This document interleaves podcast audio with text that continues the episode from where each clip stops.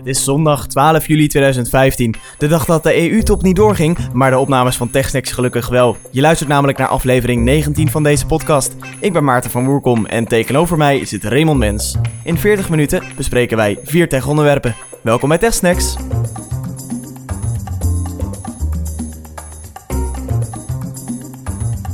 Is Griekenland uh, al failliet, Raymond?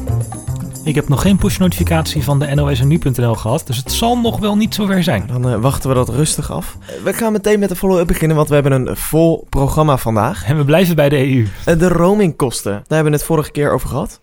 En uh, daar had jij nog wat over te vertellen. Ja, de, de, definitieve plannen van de EU, niet voor Griekenland, maar voor het afschaffen van de roamingkosten zijn uh, bekendgemaakt en gepubliceerd op de website van de EU. Dat blijkt nou, het blijkt toch niet helemaal zonder voorwaarden te zijn. Er komt namelijk een fair use policy bij kijken. Oh. Dus uh, een nadig te bepalen hoeveelheid data en een nadig te bepalen hoeveelheid minuten en uh, sms'jes. Dat mag gebruikt worden uh, als gratis roaming, maar niet alles. Mm, nou goed. En wat dat, dat nadig te bepalen fair use dan is, dat moeten ze nog beslissen. Als dat bekend is, komen we daar zeker op terug. Ja. En de Apple Watch is doomed, werd aangedragen door Hans via Twitter. Ja, natuurlijk is uh, Apple doomed en is de Apple Watch doomed. En gaat het heel slecht, uh, bleek uit een onderzoekje van Slice Intelligence. Dat namelijk becijferd dat de verkoop in de VS van de Apple Watch met maar liefst 90% was ingestort. Nou, dan gaat mijn bullshit alarm al heel snel af. En uh, ik heb het even uitgezocht, blijkt ook zo te zijn hoor. Blijkt het zo te zijn dat het 90% gekelderd is? Of juist niet te kloppen? Nee, dat het, onderzo dat het onderzoekje een redelijk bol hoge bullshit factor heeft. Oh. Wat had Slice Intelligence namelijk becijferd? De eerste verkoopdag, dus toen iedereen de Apple Watch wilde hebben, werden er 200.000 stuks verkocht. Ja. En uh, een paar weken later werden er nog maar 20.000 Apple Watches per dag verkocht. Ja, je, haalt nooit, je blijft nooit zo pieken als op je launch day. Nee, Logisch. Nee, dat klopt. Nou, nou en die 20.000 per dag is alsnog nog meer dan Fitbit en Android Wear. Wat eigenlijk interessanter is, is om dit naast de launch day en naast de uh, follow-up days van andere producten ja, precies. Um, nou, bij de, dat uh, is door uh, Apple Insider gedaan. Die hebben het vergeleken met de launch van de iPhone, de allereerste iPhone. Ja. En uh, die verkocht in het eerste jaar, de eerste twee kwartalen, nog geen 2 miljoen stuks, de iPhone. Oké. Okay. Dus daar hadden we toen ook over kunnen schrijven. Oh my god, de iPhone is doomed en het wordt nooit wat. En vorig kwartaal verkocht Apple er toch echt meer dan 70 miljoen. Ja. Ja, ja, ja. Dus het, het, het zegt niet echt iets over het succes. En hoe dat Slice zijn data krijgt, dat is ook, ja, een beetje twijfelachtig. Ze hebben namelijk een eigen app, een soort van pakketjes-app. Daarmee kun je al je pakketjes die via UPC of via andere um, diensten in de VS binnenkomen, kun je die in één dashboard zien. Dus je, je shipment van dat is onderweg, je shipment van dat is onderweg. En zo traceren zij dus hoeveel consumenten een bepaald product kopen. Oh, oké. Okay. Um, maar de verkoop van de Apple Watch is halverwege de maand ook veel naar de Apple Store verplaatst. Je kon hem daar direct afhalen en kopen. Ja, ja. En uh, Slice kijkt alleen naar de Amerikaanse verkoop, want het is een Amerikaanse app. En Amerika is nog maar 38% van de markt die Apple bedient, want ja, China is heel groot tegenwoordig en de EU natuurlijk ook. Ja, ja dus eigenlijk uh, die cijfers kloppen niet helemaal. Nee, het, het zegt eigenlijk vrij weinig, dus ja, niet te veel aandacht aan besteden en toch. Oké, okay, en dat gaan we zeker doen, want we gaan het nog even over Apple Music hebben, want we zouden daarop terugkomen. En ook dat ja, loopt eigenlijk een beetje door een stukje follow-up, um, want we konden niet alles behandelen in, de, in het vorige techsnackje. De muziek in elkaar laten overvloeien, daar hebben we het even over gehad. En ja, ik vind het niet zo belangrijk, maar um, Maarten, een andere Maarten, die liet ons weten dat je het kunnen uh, het laten overvloeien van muziek, dat je dat gewoon aan kan zetten, Raymond, in, in iTunes. Ja, dat kun je dus aanzetten, maar dan gaat het alleen over muziek die je offline hebt opgeslagen of die in je eigen muziekbibliotheek staat en niet over streamingmuziek. Oh. Dus um, iTunes heeft al heel lang hè, een optie van laat de laatste zes seconden met de eerste zes seconden van het volgende nummer overvloeien, of de laatste 10 seconden of de laatste 20 seconden, hoeveel je wil. Um, heb ik even getest, denk yes, dat kan het toch een beetje, maar nee, als het streaming is, dan valt er gewoon nog een stilte na een nummer. En dan begint het volgende pas. Dus dan veet het niet in elkaar over. En wat mijn bezwaar ook was, die overgangen in iTunes, is dat het vrij domme overgangen zijn. Oké. Okay. Dat wil zeggen, de, de tijd staat altijd vast. Dus of het nummer nou nog heel erg bezig is, de laatste zes seconden, maakt niet uit. Of het is al bijna stil de laatste zes seconden. Hij pakt altijd zes seconden van het laatste en zes seconden van het eerste. En dan krijg je dus dit. Freedom.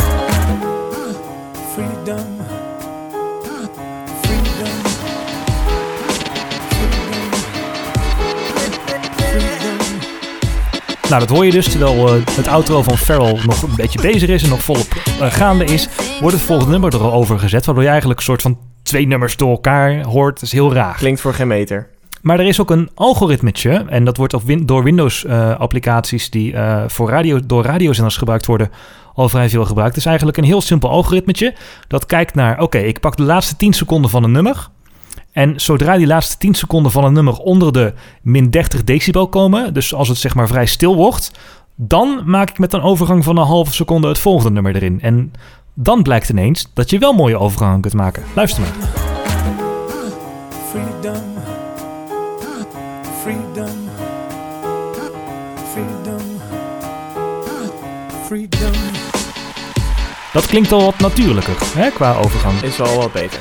Maar dat zit er dus niet in en dat had ik graag gewild. En dat blijkt ook niet bij de, uh, bij de afspeellijst te zitten. Dus nou, toch wat mij betreft de gemiste kans dit. Terwijl het zo simpel kan. Nou, en uh, we zouden nog meer functies gaan onderzoeken van Apple Music. Waaronder Connect, het soort van social media dingetje van Apple Music. Waarin artiesten uh, direct eigenlijk contact kunnen hebben via met een soort van Facebook-achtige posts. Ja, ze kunnen video's, samples, audio tracks, plaatjes, alles plaatsen. Met de fans kunnen ze dan in contact blijven.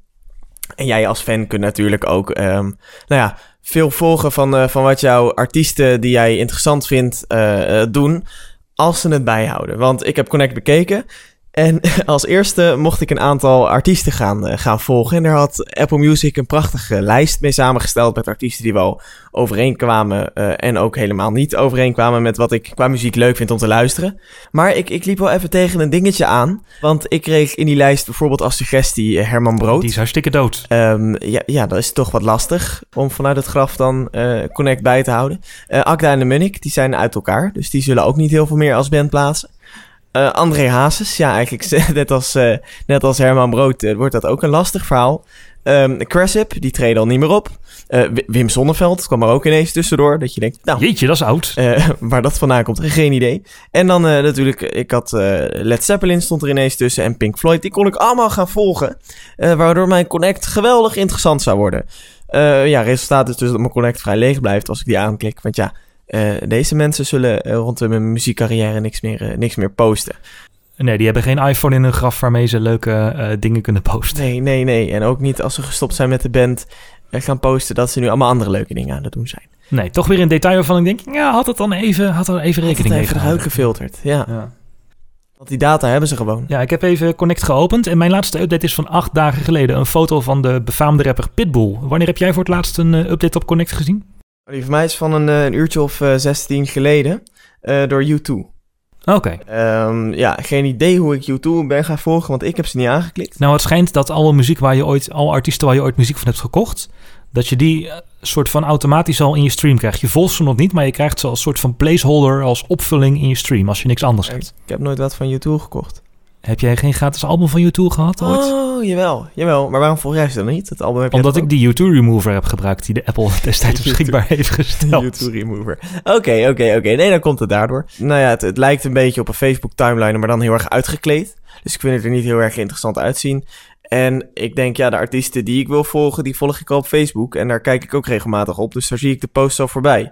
En volgens mij kun je dus als artiest uh, als jij iets op Facebook zet, dat automatisch op uh, Connect laten verschijnen. Ja, of in ieder geval andersom, dat jouw Connect-post naar Facebook gaat. Maar volgens mij wordt het niet automatisch aan Facebook gekoppeld. Dus volgens mij is er wel echt moeite nodig van de artiest om het op Connect te zetten. Maar ik, ik heb ook niet echt het idee dat het, dat, het, dat het leeft of zo. Ik zie veel foto's, maar weinig uh, leuke video, weinig audiofragmenten. En op OS X in iTunes ziet het er gewoon uit als ja, een paar Twitter-cards naast elkaar. Geen spannende vormgeving of zo. Hmm. Nee, nee, nee. Ik, ik moet bekennen, ik heb het op iOS heb ik het uitgezet. Je kunt uh, Connect namelijk op in de iOS-app kun je uitzetten. En dan krijg je er een tapje playlists voor in de plaats. En dat is wel fijn, want dan heb je al je playlists in een tapje. Oh ja, want jij gebruikt uh, Apple Music ook echt nu als, uh, als muziekservice. Ja, ik heb een familie gesticht met een aantal vrienden. Okay. dus wij misbruiken de family sharing, heb je me niet horen zeggen. Of het familieplan om met een aantal vrienden goedkoop Apple Music te hebben. En ik gebruik het wel als vaste muziekdienst. Op zich bevat het me niet slecht, maar er zijn wel van die dingen van ik denk, ja, Connect, nee, ik heb er geen behoefte aan is het op iOS wel fijn dat je het uit kan zetten en dat dan al je playlists in één tapje komen. Als je nou ook uit wil zetten, instellingen, beperkingen en dan connect, daar kun je het uitzetten. Beperkingen staat hieronder. Ja, dat is normaal mag je dus, dat is normaal voor kinderen om te zorgen dat zij niet uh, op connect kunnen. Er staat er misschien uh, uh, geen familiegeschikt materiaal op of zo, weet ik veel. Maar ja, dat kun je dus soort van misbruiken om connect uit te zetten en dan krijg je playlists als Tabblad. Het is heel makkelijk te onthouden. Vind je Connect nou ook een beperking, dan kun je het gewoon eh, uitzetten onder het tapje beperkingen. Maar jij eh, gebruikt Apple Music dus. Heb je ook al naar Beats One geluisterd? Zeker. En wat vond je ervan? Want ik heb het eh, vijf minuten eh, uitgehouden. Het was vooral heel veel Amerikaans gewauwel met een rapper wat ik niet interessant vond. En de hele tijd door de muziek heen, ehm de hele tijd Beat One, de, de, de, always on, Beat One. De hele tijd heel Amerikaans, al die, eh, al die dingetjes ertussendoor. Ja, het is wel heel Amerikaans. Qua muziek ook. Het is absoluut geen Nederlandse hitradio. Het is wel een beetje een mix van alles. Ik hoor veel rap, maar ook wel veel poprock. eh, valt me Oké, op. oh, dan Eh, heb maar ik denk ik op het verkeerde moment geluisterd. wat minder leuk is, zijn de herhalingen. Het is niet echt 24-7. Het is namelijk eh 12-7. En elke 12 uur wordt het programma herhaald.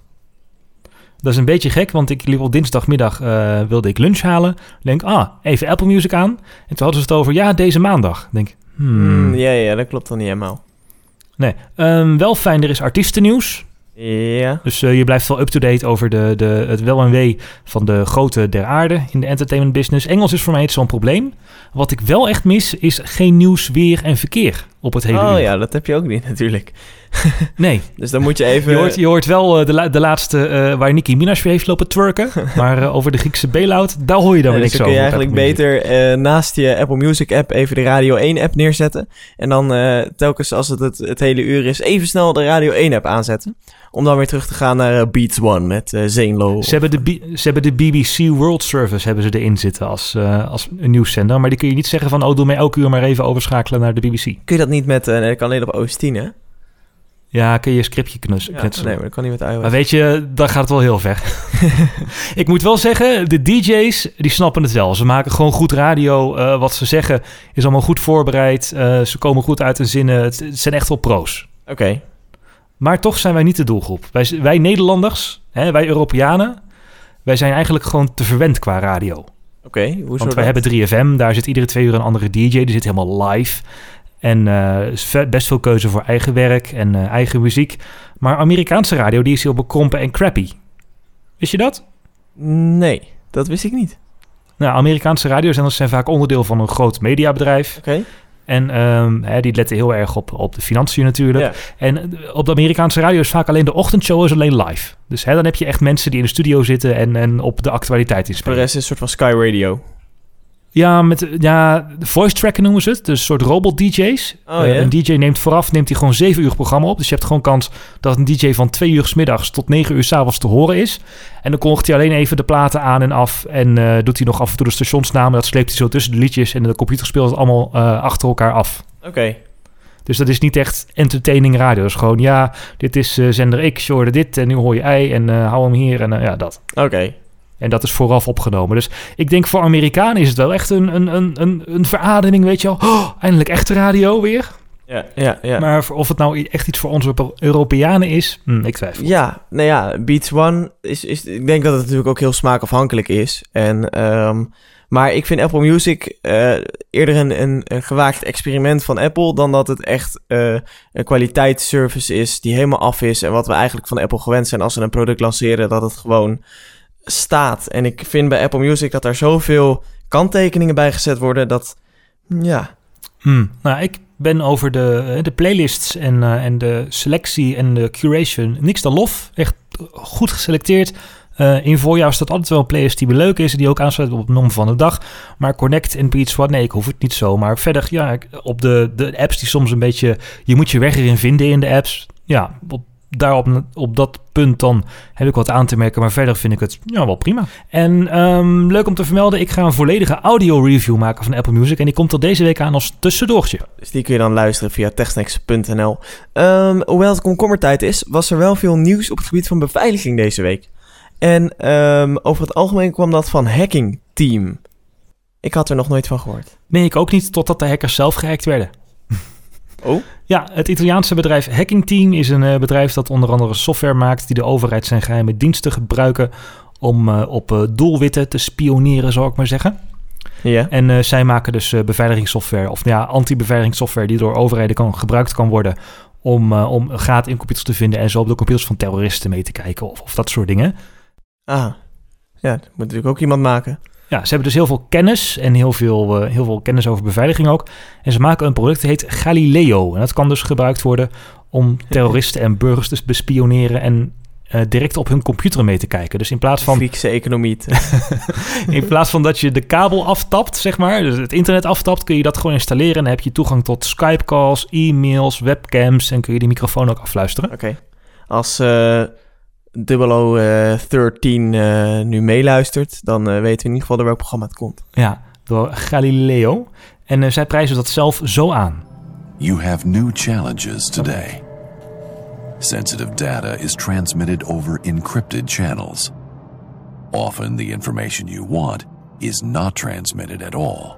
Your target may be outside your monitoring domain. Is passive monitoring enough? You need more. You want to look through your target's eyes. You have to hack your target.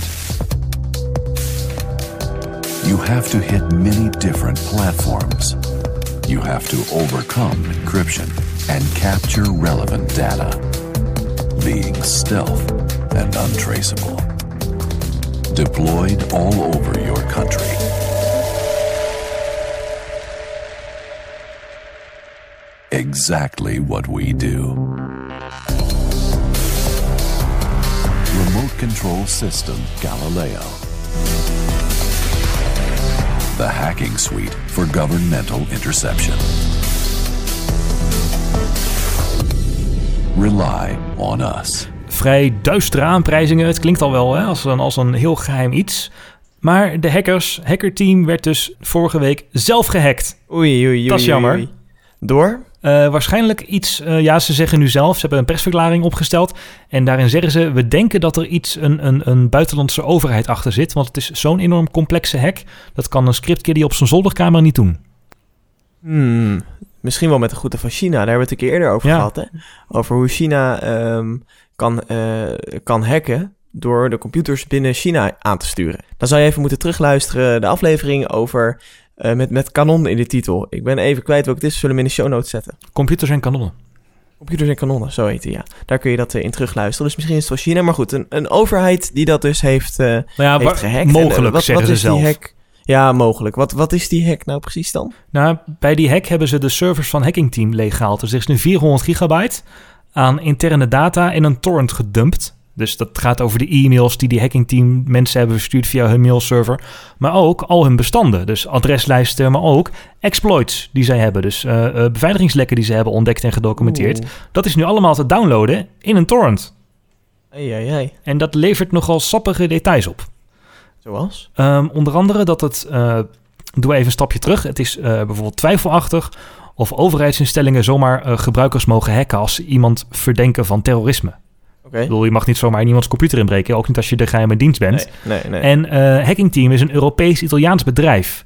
Dus Italië, die zei, ja, luister jongens, jullie kunnen jullie eh, producten wel aan de man brengen, maar we gaan jullie een exportban opleggen. Want dat mag gewoon niet wat jullie doen, schending van mensenrechten, klaar. Maar Hacking Team wist daaromheen te gaan door samen te werken met Israël en met de Amerikaanse diensten. Blijkt dus uit die documenten. Er, was een, eh, er is een eh, dienstverlener van de Amerikaanse overheid, die ook aan de FBI levert. En die heet SICOM USA. En dat is eigenlijk gewoon een andere naam voor Hacking Team, want die hebben namelijk hetzelfde adres en hetzelfde telefoonnummer, is eh, uit die documenten gebleken. Oeps. En dat wordt dus zo, we helpen de Amerikanen dus een handje. ja, ja, ja, ja, met de groeten van Obama. Ja, om onder die exportban uit te komen in Europa. Ja, ja. Oké. Er is ook eh, financiële eh, informatie gelekt. En daardoor, daardoor hebben we een, eh, een, een goede indruk van welke landen nou het meeste uitgeven aan de software van het hackingteam. Welke hebben nou veel gekocht? En wat zijn nou hun beste klanten? Nou, laat ik gokken. Amerika. Die staat op één. Nee, Niet? staat niet in de top 3. Oh? Nee. Op 1, Mexico. 5 miljoen aan software gekocht van hackingteam afgelopen jaar. De drugskartels die daar druk dus ook aan het hacken zijn. Blijkbaar wil, moeten de drugskartels ook in de gaten gehouden worden en gebruiken ze dat daarvoor. Italië, natuurlijk eh, de, Oh, dus de maffia die kijkt terug. ja, de moederoverheid, 4 miljoen. En, en Marokko, 3 miljoen uitgegeven. Oké. Nou, qua Europese landen valt het op eh, Italië na dus wel mee. Eh, Ne- Nederland zijn geen concrete betalingen voor gevonden, maar Luxemburg wel. Die kocht voor 7 ton aan software van het hackingteam. En Polen voor 2,5 ton afgelopen jaar. Oké. Eh, Spanje? Eh 5 ton. Mag ik ook in een Ja. lijstje voorbij komen namelijk. 5 Maar ton. en, en Vijf ton. Ik vind dat nog best wel investeringen. En, en Nederland die is daar dus helemaal niet in geïnteresseerd. Nou ja, de, de, uit de e-mails. Ik heb even in de... Ja, Wikileaks heeft een hele handige database gemaakt... waarmee je door al hun e-mailverkeer kunt zoeken. Natuurlijk. dat, laat dat maar aan Julian Assange over. Uh, er was wel interesse vanuit de Nederlandse overheid. Blijkt uit het e-mailverkeer. Onder andere uh, de Belastingdienst. Die heeft in 2013 een demo gekregen op een beurs. En die toonde wel interesse in de software. Want er is namelijk vers verschillend e-mailverkeer vanaf de domeinnaam belastingdienst.nl te zien. Oké, dus die dachten misschien kunnen we een leuk ICT-project vanuit de overheid opzetten. Om heel eerlijk te zijn, heb ik zelfs even moeten googlen waar dat ICT nu eigenlijk voor staat. Nou, gelukkig hebben ze dat bij de Belastingdienst ongetwijfeld gedaan. hij blijft terugkomen, hè? Ja, hij blijft. Hey, uh, de politie die kreeg vorig jaar ook een demo en die ging uh, intern kijken of ze er iets aan hadden. Mailden ze begin 2014 aan het hackerteam. Maar er is eigenlijk niks meer van gekomen, want ja, daar, eh, de bureaucratische molen treden in werking. Okay. Ik heb onder andere in de mailtjes gelezen... Sorry, ik heb nu een andere positie. Mijn collega gaat nu over de aanschaf. Geweldig. En dan, dan, kwam er een, dan kwam er een auto-reply. Hallo lezer, ik werk alleen op woensdag. dat soort dingen zitten er allemaal serieus ja, in. Ja, welkom bij onze Nederlandse ambtenaren. Ja. De, en onze geheime dienst, de AIVD? De AIVD, daar zijn geen sporen van gevonden, maar wel van de militaire uh, inlichtingendienst, de MIVD. Die gebruikt het zelfs mogelijk. Oké. Okay. En dat is uit mailverkeer ook gebleken? Dat is uit mailverkeer gebleken inderdaad dat die in 2011 uh, zeer geïnteresseerd waren. Oké. Okay. Nou, bijzonder. Ja, en uh, je zal denken, ach, weet je, het is toch allemaal een beetje overheidszaken en interne policy. Wat boeit Wel het? een beetje ver van mijn bedshow. Ja, maar nee, nee, nee, nee, helemaal niet. Je hebt er ook iets van gemerkt. Oh? Je hebt namelijk op alle technologie-sites gelezen dat er deze week, of vorige week, een enorm lek in Flash was gevonden. Oh ja, daar kijk ik nooit zo van op. Want dat, dat is een van de programma's die zo lek is als een mandje. Dat, uh... Ja, nou, uh, er zijn twee flashlekken gevonden de afgelopen week. En die waren dus afkomstig uit de uh, documentatie van Hacking Team. Oké. Okay. Zij bleken gewoon over lekken in Flash te beschikken waar nog niemand anders ooit van had gehoord. Oké. Okay. En die gebruikten ze dus om, om op, op computers te bespioneren. En is dat nu opgelost? Ja, een van de twee lekken is opgelost. En komende week, uh, dus waarschijnlijk als jij dit hoort als luisteraar, dan gaat Adobe weer een update uitbrengen. Dus dan mag je weer door al plezier van Flash updaten. Genieten, want dan, dat ze dat nog nooit hebben kunnen automatiseren vind ik zo irritant. In ieder geval bij OS 10 is het zo dat je dan naar een website moet. En dan moet je weer de nieuwe versie downloaden. En dan moet je weer die hele installatie wizard door. En dan uiteindelijk heb je dan wel weer Flash, als je alles herstart hebt, dan weer geüpdate. Nou, dus uh, bedank Hacking Team maar voor de flashlekken waardoor je je flashje ja, moet updaten. Dat, maar goed, uh, wel weer veiliger. Dat is altijd prettig. Ja, ze zijn nu wel boven water gekomen en ze kunnen niet meer misbruikt worden. Dus dat, dat is dan toch wel een positieve draai. Inderdaad. Uh, we hebben het vorige week gehad over de iPad Pro. En over de MacBook die ik heb aangeschaft. En daar wilde ik het, had ik beloofd om het nog even over te hebben. Want ik heb dus de MacBook 12 inch aangeschaft. Oeh, die hele dunne. Ja. En um, ik zal even laten weten ook precies welke specificaties uh, dat zijn. Voor de mensen die dat interessant vinden. Um, ik heb de, dus de MacBook Retina met een 12 inch scherm. En daar zit een... En dan moet ik even spieken hoor. Dus er zit een 1.3 GHz Intel Core M processor. Dat is een Broadwell processor van 64 bit in. En uh, wat ik heb hem namelijk uh, geupgrade. Je hebt hem helemaal maxed out, of niet? Nou, ik heb het, ik vind 256 gigabyte uh, opslagcapaciteit. Dat zit een SSD in. Dat vind ik, um, nou ja, vind ik prima. Dus dat heb ik niet geupgrade naar 512 gig. Maar ik heb wel de processor inderdaad um, geupgrade. Ik heb de Space Gray, Space Gray versie.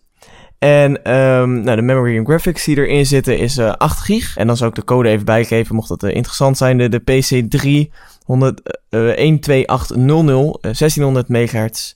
En uh, de LPD, de, oh nee, dat is de dedicated RAM. Nou, ik, uh, je hoort het al, ik ben nooit zo van de specificaties. um, het scherm is natuurlijk wel interessant, dat is ook een retina display. Dat was voor mij voor het eerst. Oh ja.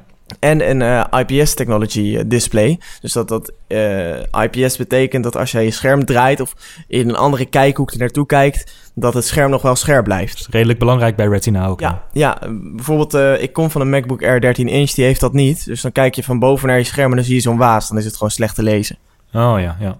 Dat Retina display heeft een resolutie van 2304 bij 1440. Dat kun je nog aanpassen. Ik heb hem gewoon in de, in de normale in de normale stand staan. En dat is met uh, 226 uh, points per inch. Is dat, is wel lekker retina hoor. Dat is echt... Ja. Uh, Dat Strak. is echt heel gaaf. Het ziet er ook heel mooi uit. Eh, er zit een, eh, om dat aan te sturen ook een Intel HD Graphics 5300 kaart in. En ehm, die heeft tot zo'n eh 1.5 gig eh, shared memory van het, eh, van het eh, ja, main werkgeheugen. Eh, wat hij daarvan kan pakken. Dus dat is, eh, ja, nee, dat is zeg maar de, de, de specificaties die erin zitten. Nou, ik heb hem nu ongeveer twee weken. En ik heb hem eh, veel gebruikt en meegenomen. En dat meenemen is, is super, super chill. Omdat hij zo klein is en makkelijk, maar toch een, een groot genoeg scherm heeft. Dat vond ik nog even spannend. Of die 12 inch niet iets te klein was. Want ik vond 11 inch van die MacBook Air vond ik echt te klein. En 13 inch vond ik eigenlijk wat chill. Maar goed, 12 inch blijkt eigenlijk heel erg goed te werken voor mij. En hij is heel erg licht. Ook al ik heb hem in een hoes zitten in mijn tas dan. Ik heb al twee keer een stressmoment gehad dat ik de trein uitliep en dat ik hem erin had gestopt. Maar ja, dat, dat doe je op de automatische piloot. Hè. Je spullen inpakken als je bij het station komt. En, en dat ik op de fiets zit en dat ik die tas voel. En dat ik denk, oh god, zit hij er nou wel in of niet?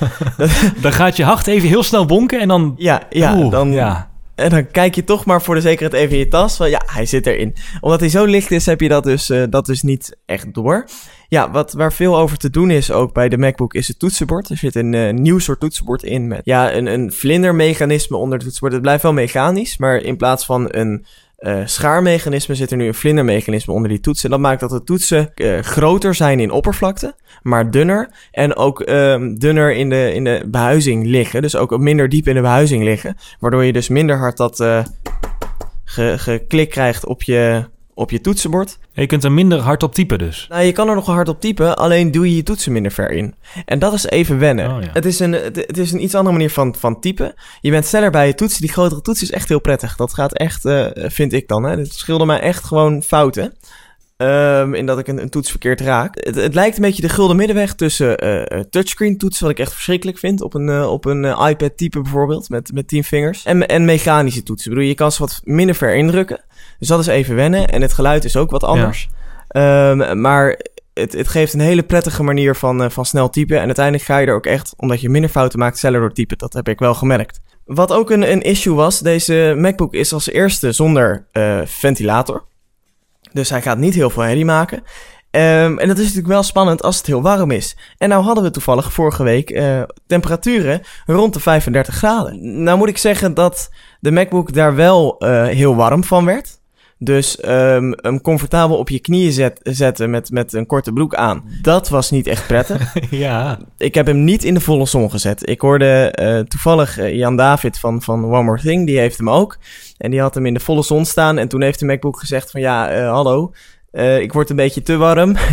kan ik alsjeblieft uit de zon, anders ga ik een beetje op. Dat heb ik niet gehad. Ik heb hem eh, binnen gebruikt. Maar dat is volgens mij met iedere laptop. hoor. Als je die in de volle zon zet, dan, dan gaat hij echt wel terugklokken en met zijn fans draaien. En op een gegeven moment gewoon zeggen: Oké, ik ben te warm, ik geef op. Nou goed, dat doet de MacBook natuurlijk ook.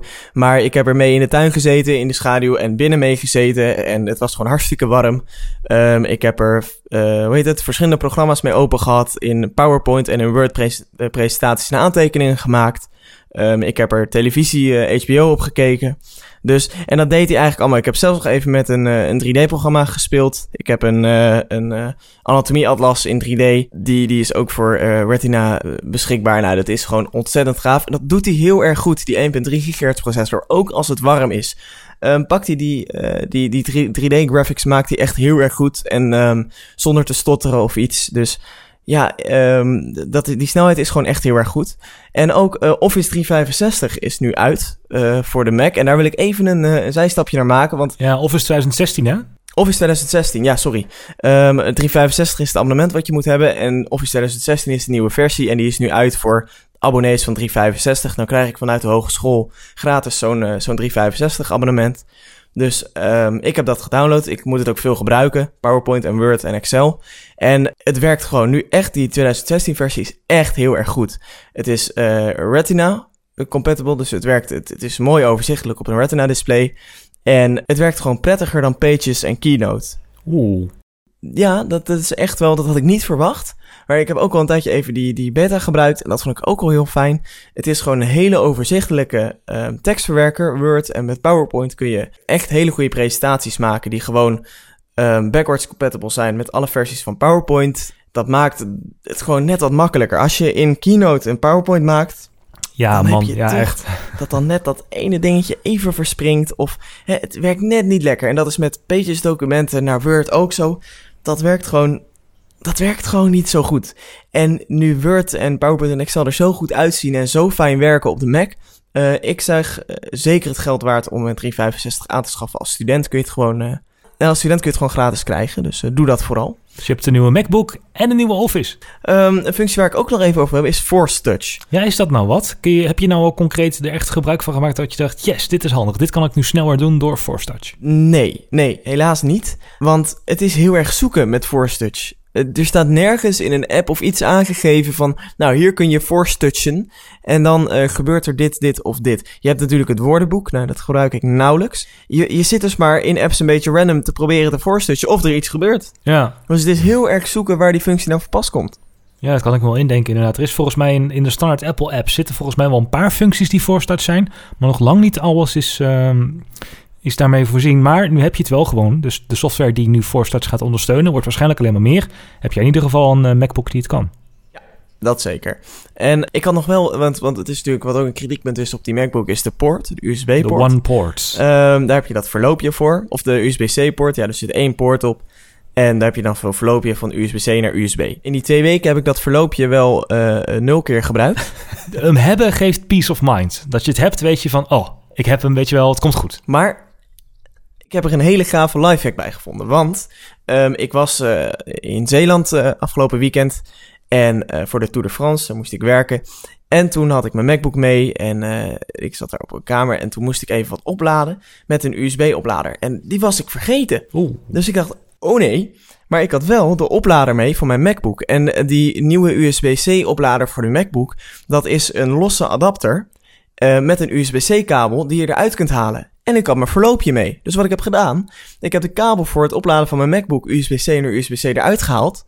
En ik heb mijn verloopje van USB-C naar USB in mijn opladeradapter gestopt. Die in het stopcontact gedaan. En ik kon Oh, opladen. Ja, ja, ja, ja, ja, tuurlijk. Dan eh, stuur je in principe gewoon stroom naar die USB-poort. Ja, dus dat is ideaal. Dat werkt heel goed. Dan hoef je geen, geen iPhone-lader mee. Geen iPhone-lader mee, dus dat kan gewoon thuis. Kritiekpuntje op de MacBook, en daar heb ik eigenlijk niet zoveel over gehoord. En het is voor mij de eerste MacBook met een scherm. volledig... eh, is dat ik nog wel eens vette vingers op de bovenkant van het scherm heb, waar ik de klep open doe. Ah, Oké, ja. En ook op de achterkant waarschijnlijk dat, dat eh, Apple-logo is ook een vingerafdruk en magneet volgens mij. Hè? Ja, ja, klopt. Dat is wel jammer. Ik had het liefst gehad dat hij nog licht gaf. Maar nou, dat is een concessie die ik heb moeten doen. Ja. Ehm, we hadden een hele uitgebreide mail. Die wil ik nog even behandelen. Eh, van Peter. En eh, Peter heeft ook de MacBook. En eh, die zegt ook ja, dat die supportable is. Dat is echt super chill. En mijn iPad, eh, die, die kon weg. Het is echt een iPad vervanger. Zeker met de iPhone 6 Plus die ik heb. Hij had wel heel erg veel last met de warme zon. Eh, dat de snelheid vooral heel erg eh, terugzakte. Ja, ik heb dat dus niet zo... ja, dat hij zichzelf terug gaat klokken. Ja, ja, Peter heeft wel de 1.2 gigahertz. Want hij zegt uit recensies zou blijken dat de 1.3 gigahertz zichzelf snel, snel terugschakelt in snelheid. Omdat de pro- processor zijn warmte niet kwijt kan. Daar heb ik ook nog niks van gemerkt. Maar ik zit ook niet de hele tijd met Blackmagic de... Of Blackmagic, de, hoe heet dat? Oh, de Blackmagic Disk Speed Test of Geekbench. Die een van de twee. Ah, ik weet ook niet. Misschien doe ik dat wel verkeerd. Goed, ik, wat ik al zei, van de specificaties heb ik niet heel veel kaas gegeten. Ehm, maar vooral van het gebruik ben ik. En ehm, ja, dat heb ik nog niet zoveel van gemerkt. Ook met mijn 3E-programma's niet. hey, eh, Peter had ook nog iets getipt over een hubje. Een USB-hub. Is dat eh, nog wel van deze tijd? Is het niet helemaal uit? Hubjes aan je computer? Nou, dat denk ik niet. De, Peter had het over de Hub Plus. Die heeft hij op Kickstarter gebackt. En die kun je nu, in de, eh, die kun je nu ook pre-orderen. Ehm, en eh, die kost dan 89 dollar. Zal het linkje meenemen in de show notes. De Hub Plus. En die heeft net wat meer aansluitingen dan, eh, dan de Apple-verloopjes. Ja, DisplayPort, eh, USB, USB-C en ehm, HDMI kun je er nog bij doen. Ethernet of niet? Ethernet volgens mij niet. Ehm, Hmm. Maar ehm, nee, ik denk dat de hub de toekomst wordt. Al, kijk, we hebben heel weinig dat we nu poorten gaan gebruiken. Eh, merk ik al. Ja, jij zei al van, ik heb mijn verloopje nog geen één keer gebruikt. Maar komt ook omdat je een iMac hebt waar je nu je microfoon op hebt aangesloten Ja, bijvoorbeeld. klopt. Dan zou ik mijn verloopje gebruiken. Maar dan nog, ik gebruik niet zoveel randapparatuur waarvoor ik... eh, dat zal dan echt, echt incidentieel zijn. En ehm, dan heb ik liever dat ik die poorten gewoon ergens los heb. En dat ik hem, als ik ze nodig heb, erin kan pluggen. Dan dat ze er standaard op zitten en ik ze nooit gebruik. En het een kwetsbaarheid is in mijn machine. Mhm. Want er kan allemaal vuil in komen en dat soort dingen. En dat, dat het maar de hele tijd niks zit te doen en dat het ja, gewoon overbodig is en mijn design lelijker maakt. Want het is nou, niet mooi, al die gaten aan de zijkant van je laptop. Nee, dus jij zegt eigenlijk, die poorten zijn al 2015 misschien, misschien stiekem toch wel een beetje overrated. Ondanks dat we het niet hadden verwacht. Ja, en dan is zo'n hubje een perfecte uitkomst voor mocht je het een keer wel nodig hebben. En echte power users, ja, die gaan toch geen MacBook kopen voor hun werk, want daar, daar is die niet voor gemaakt. Die kopen de MacBook Pro. Ja, precies. En daar zit het gewoon nog op. Nou, genoeg over de MacBook. Jij hebt een onderwerp en toen je dat stuurde moest ik een beetje grinniken. Nieuwe iPods. Over 2005 gesproken en techniek. De, de iPod leeft! Ja, Hij is niet dood. Nou. Alle iPods leven, behalve de iPod Classic, want die werd door Apple vorig jaar uitgefaseerd. Is trouwens nog steeds een enorme hit in de Apple Refurbished Store. Apple heeft online een eigen Refurbished Store.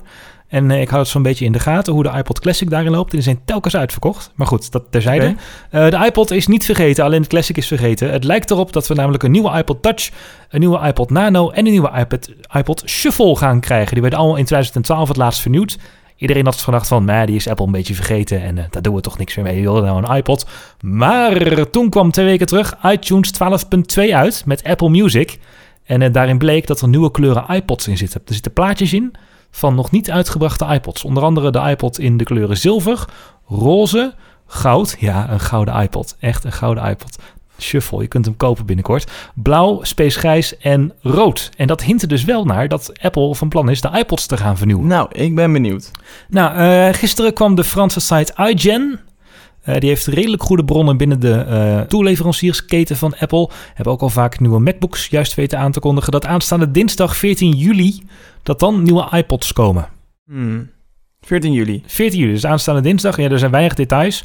Behalve omdat de iPod Touch een eh, upgrade krijgt naar een 64-bit CPU. Waarschijnlijk de A7 of de A8. Die momenteel ook in de iPhone 5S en iPhone 6 zitten. Want die iPod Touch die had wel een hele oude chip nog. Die had dezelfde chip als de iPhone 4S namelijk. Eh, Maar en- A5. Dat zal dan wel voor de zomer eh, worden dat, dat dan mensen in de zomer nog een nieuwe iPod kunnen kopen. Maar waarom een nieuwe iPod? Mensen hebben toch bijna allemaal wel een smartphone of iets anders? Ja, ik vraag het me ook af. Ik denk dat het ook een, een administratief dingetje van Apple is om alle iOS-apparaten die verkocht worden op 64 bits te krijgen. Want die iPod Touch was natuurlijk nog 32 bits. En ja, ontwikkelaars vinden dat toch niet prettig. Maar in de, in, de, in de cijfers kelderen die iPods al, al maanden, al kwartalen lang, gaan de iPods eh, onderuit. Ja, ze Dus- vermelden ze nu zelfs niet meer. Zo, zo weinig. Ja, weet je, als jij als bedrijf, als gewoon standalone bedrijf die iPods zou verkopen, dan zou het best een lucratieve business zijn. Maar als onderdeel van Apple, tegenover die grote iPhone-markt en die grote Mac-markt, is het wel minimaal natuurlijk. Maar, en dan zou je ze dus moeten koppelen aan je iPhone, want ze moeten natuurlijk iets met Apple Music. Ja. En dat kan niet. Nou ja, de iPod Touch kan het natuurlijk wel, maar die Nano en Shuffle, ja. Ja. hoe je die dan met Apple Music gaat connecten, of ga je dan zeggen nee, we gaan het echt alleen houden, dat mensen de eigen playlist op kunnen zetten met eigen liedjes, maar niet uit de cloud gestreamd. Dat lijkt me wel heel sterk namelijk. Ja, maar goed, dan moet je wel weer heel veel techniek in de Nano en Shuffle doen. Dat zullen ze ook wel weer duur worden. Ja, het, het grootste probleem met Apple Music is natuurlijk de DRM die op die nummers zit. Hè. Je, je leest die nummers als het ware voor een tientje per maand. Dus Apple kan die ook weer intrekken als jij ze offline opgeslagen hebt. Maar zo'n Nano of Shuffle, die hebben nu natuurlijk geen connectiviteit. Geen wifi, geen bluetooth, geen niks. Alleen een kabeltje. Ja. Dus ik ben benieuwd of ze die dingen dan ook van wifi gaan voorzien. Of van bluetooth, of van een iBeacon misschien. Dat Dat, denk ik wel. je in ieder geval Apple Music muziek erop kan zetten. Ja, en dan moet je eens in de 30 dagen moet je even verbinden met je iPhone of met je andere Apple-apparaat. Om, of met iTunes op een computer. Om dan te, te, te checken of jij nog steeds abonnee bent van Apple Music. Dat doet Spotify ook. Hè? Spotify kun je je muziek eh, offline halen in je app. En dan eh, moet je eens in de 30 dagen verbonden zijn met internet. Om te kunnen checken of jij nog eh, abonnee Ja, bent. en is het aan Apple om uit te vinden of het dan via wifi gaat... of dat ze toch zeggen, nee, doe toch maar gewoon een kabeltje en sync het maar gewoon. Moet er wel weer een iTunes-update komen, of misschien zit het al in, ik weet het niet. hey, een andere, een andere eh, optie was als, ehm, ja, dat klinkt te gek, maar als budget Apple Watch, De Nano dan, dat blokje. het blokje. Ja. Namelijk gewoon een, sport, een sporttrekker ervan maken. Dat ze een klein onderdeel van de, eh, hoe heet die, de, in ieder geval de stappenteller die in de iPhone zit. De N is dat geloof ik, de N7 of de N8. Dat ze die eh, in de iPod doen. Misschien nog zelfs een hartslagmeter of zo. Het wil heel ver gaan voor zo'n budget. Ja, dat gaat wel heel ver. Ja. En Maar gewoon een sporttrekker, een stappenteller, een eh, gyroscoop erin. dat zal er vast in zitten. Dan heb je gewoon, eh, kun je gaan lopen met, eh, met je iPod en dan heb je je stappen keurig geteld. Oké. Heb jij nog een, een app-tip? Want we komen alweer aan het einde van de TechStex podcast. Heb je trouwens geluisterd en je wil je reageren op deze podcast? Dan kan dat. Ga ik je zo vertellen hoe, dat, hoe je ons kunt bereiken. Heb jij nog een app? Ik heb een boek. Een boek? Luister maar. Het is het geluid van een boek wat op mijn bureau klinkt. Het is een vrij dik boek, 11, 1100 pagina's. Goed, je hebt ook echt een papieren Echt boek een gewoon. papieren boek. Zo. En ehm, het gaat over een zeer boeiend onderwerp wat ons eh, techmensen allemaal interesseert. Namelijk over de spectaculaire opkomst en val van BlackBerry. Het boek heet Geen Bereik. Geen bereik over de opkomst en val van BlackBerry. Ja, klopt. En wat kost het boek? Eh 25 euro in de eh, paperback versie, maar eh, de e-books zijn iets goedkoper. 1100 pagina's, reuze interessant. Echte struggles die BlackBerry door heeft moeten gaan om te komen waar ze nu gaan. En hoe ze op een gegeven moment bijna met wanhoop in hun ogen, eh, omdat de iPhone zulke sterke concurrentie bood, een half afgemaakte telefoon hebben geshipped. En wat voor problemen dat opliep en weet ik het allemaal. Super interessant, ben heb het nog niet uit, maar het boek heet Geen Bereik over de opkomst en val van BlackBerry. We zetten het in de show notes. Zomervakantie, leestijd, lezen dus. Ik heb geen app, maar ik heb wel ehm, ja, een gaaf eh, dingetje om jullie te melden. Want eh, nou, het is natuurlijk zomervakantie en eh, zowel Raymond als ik gaan ook van vakantie genieten. Maar TechSnacks gaat niet weg. Ehm, sterker nog, wij komen met een soort van eh, TechSnacks zomerspecials. En daar hoor je binnenkort meer over op techsnacks.nl.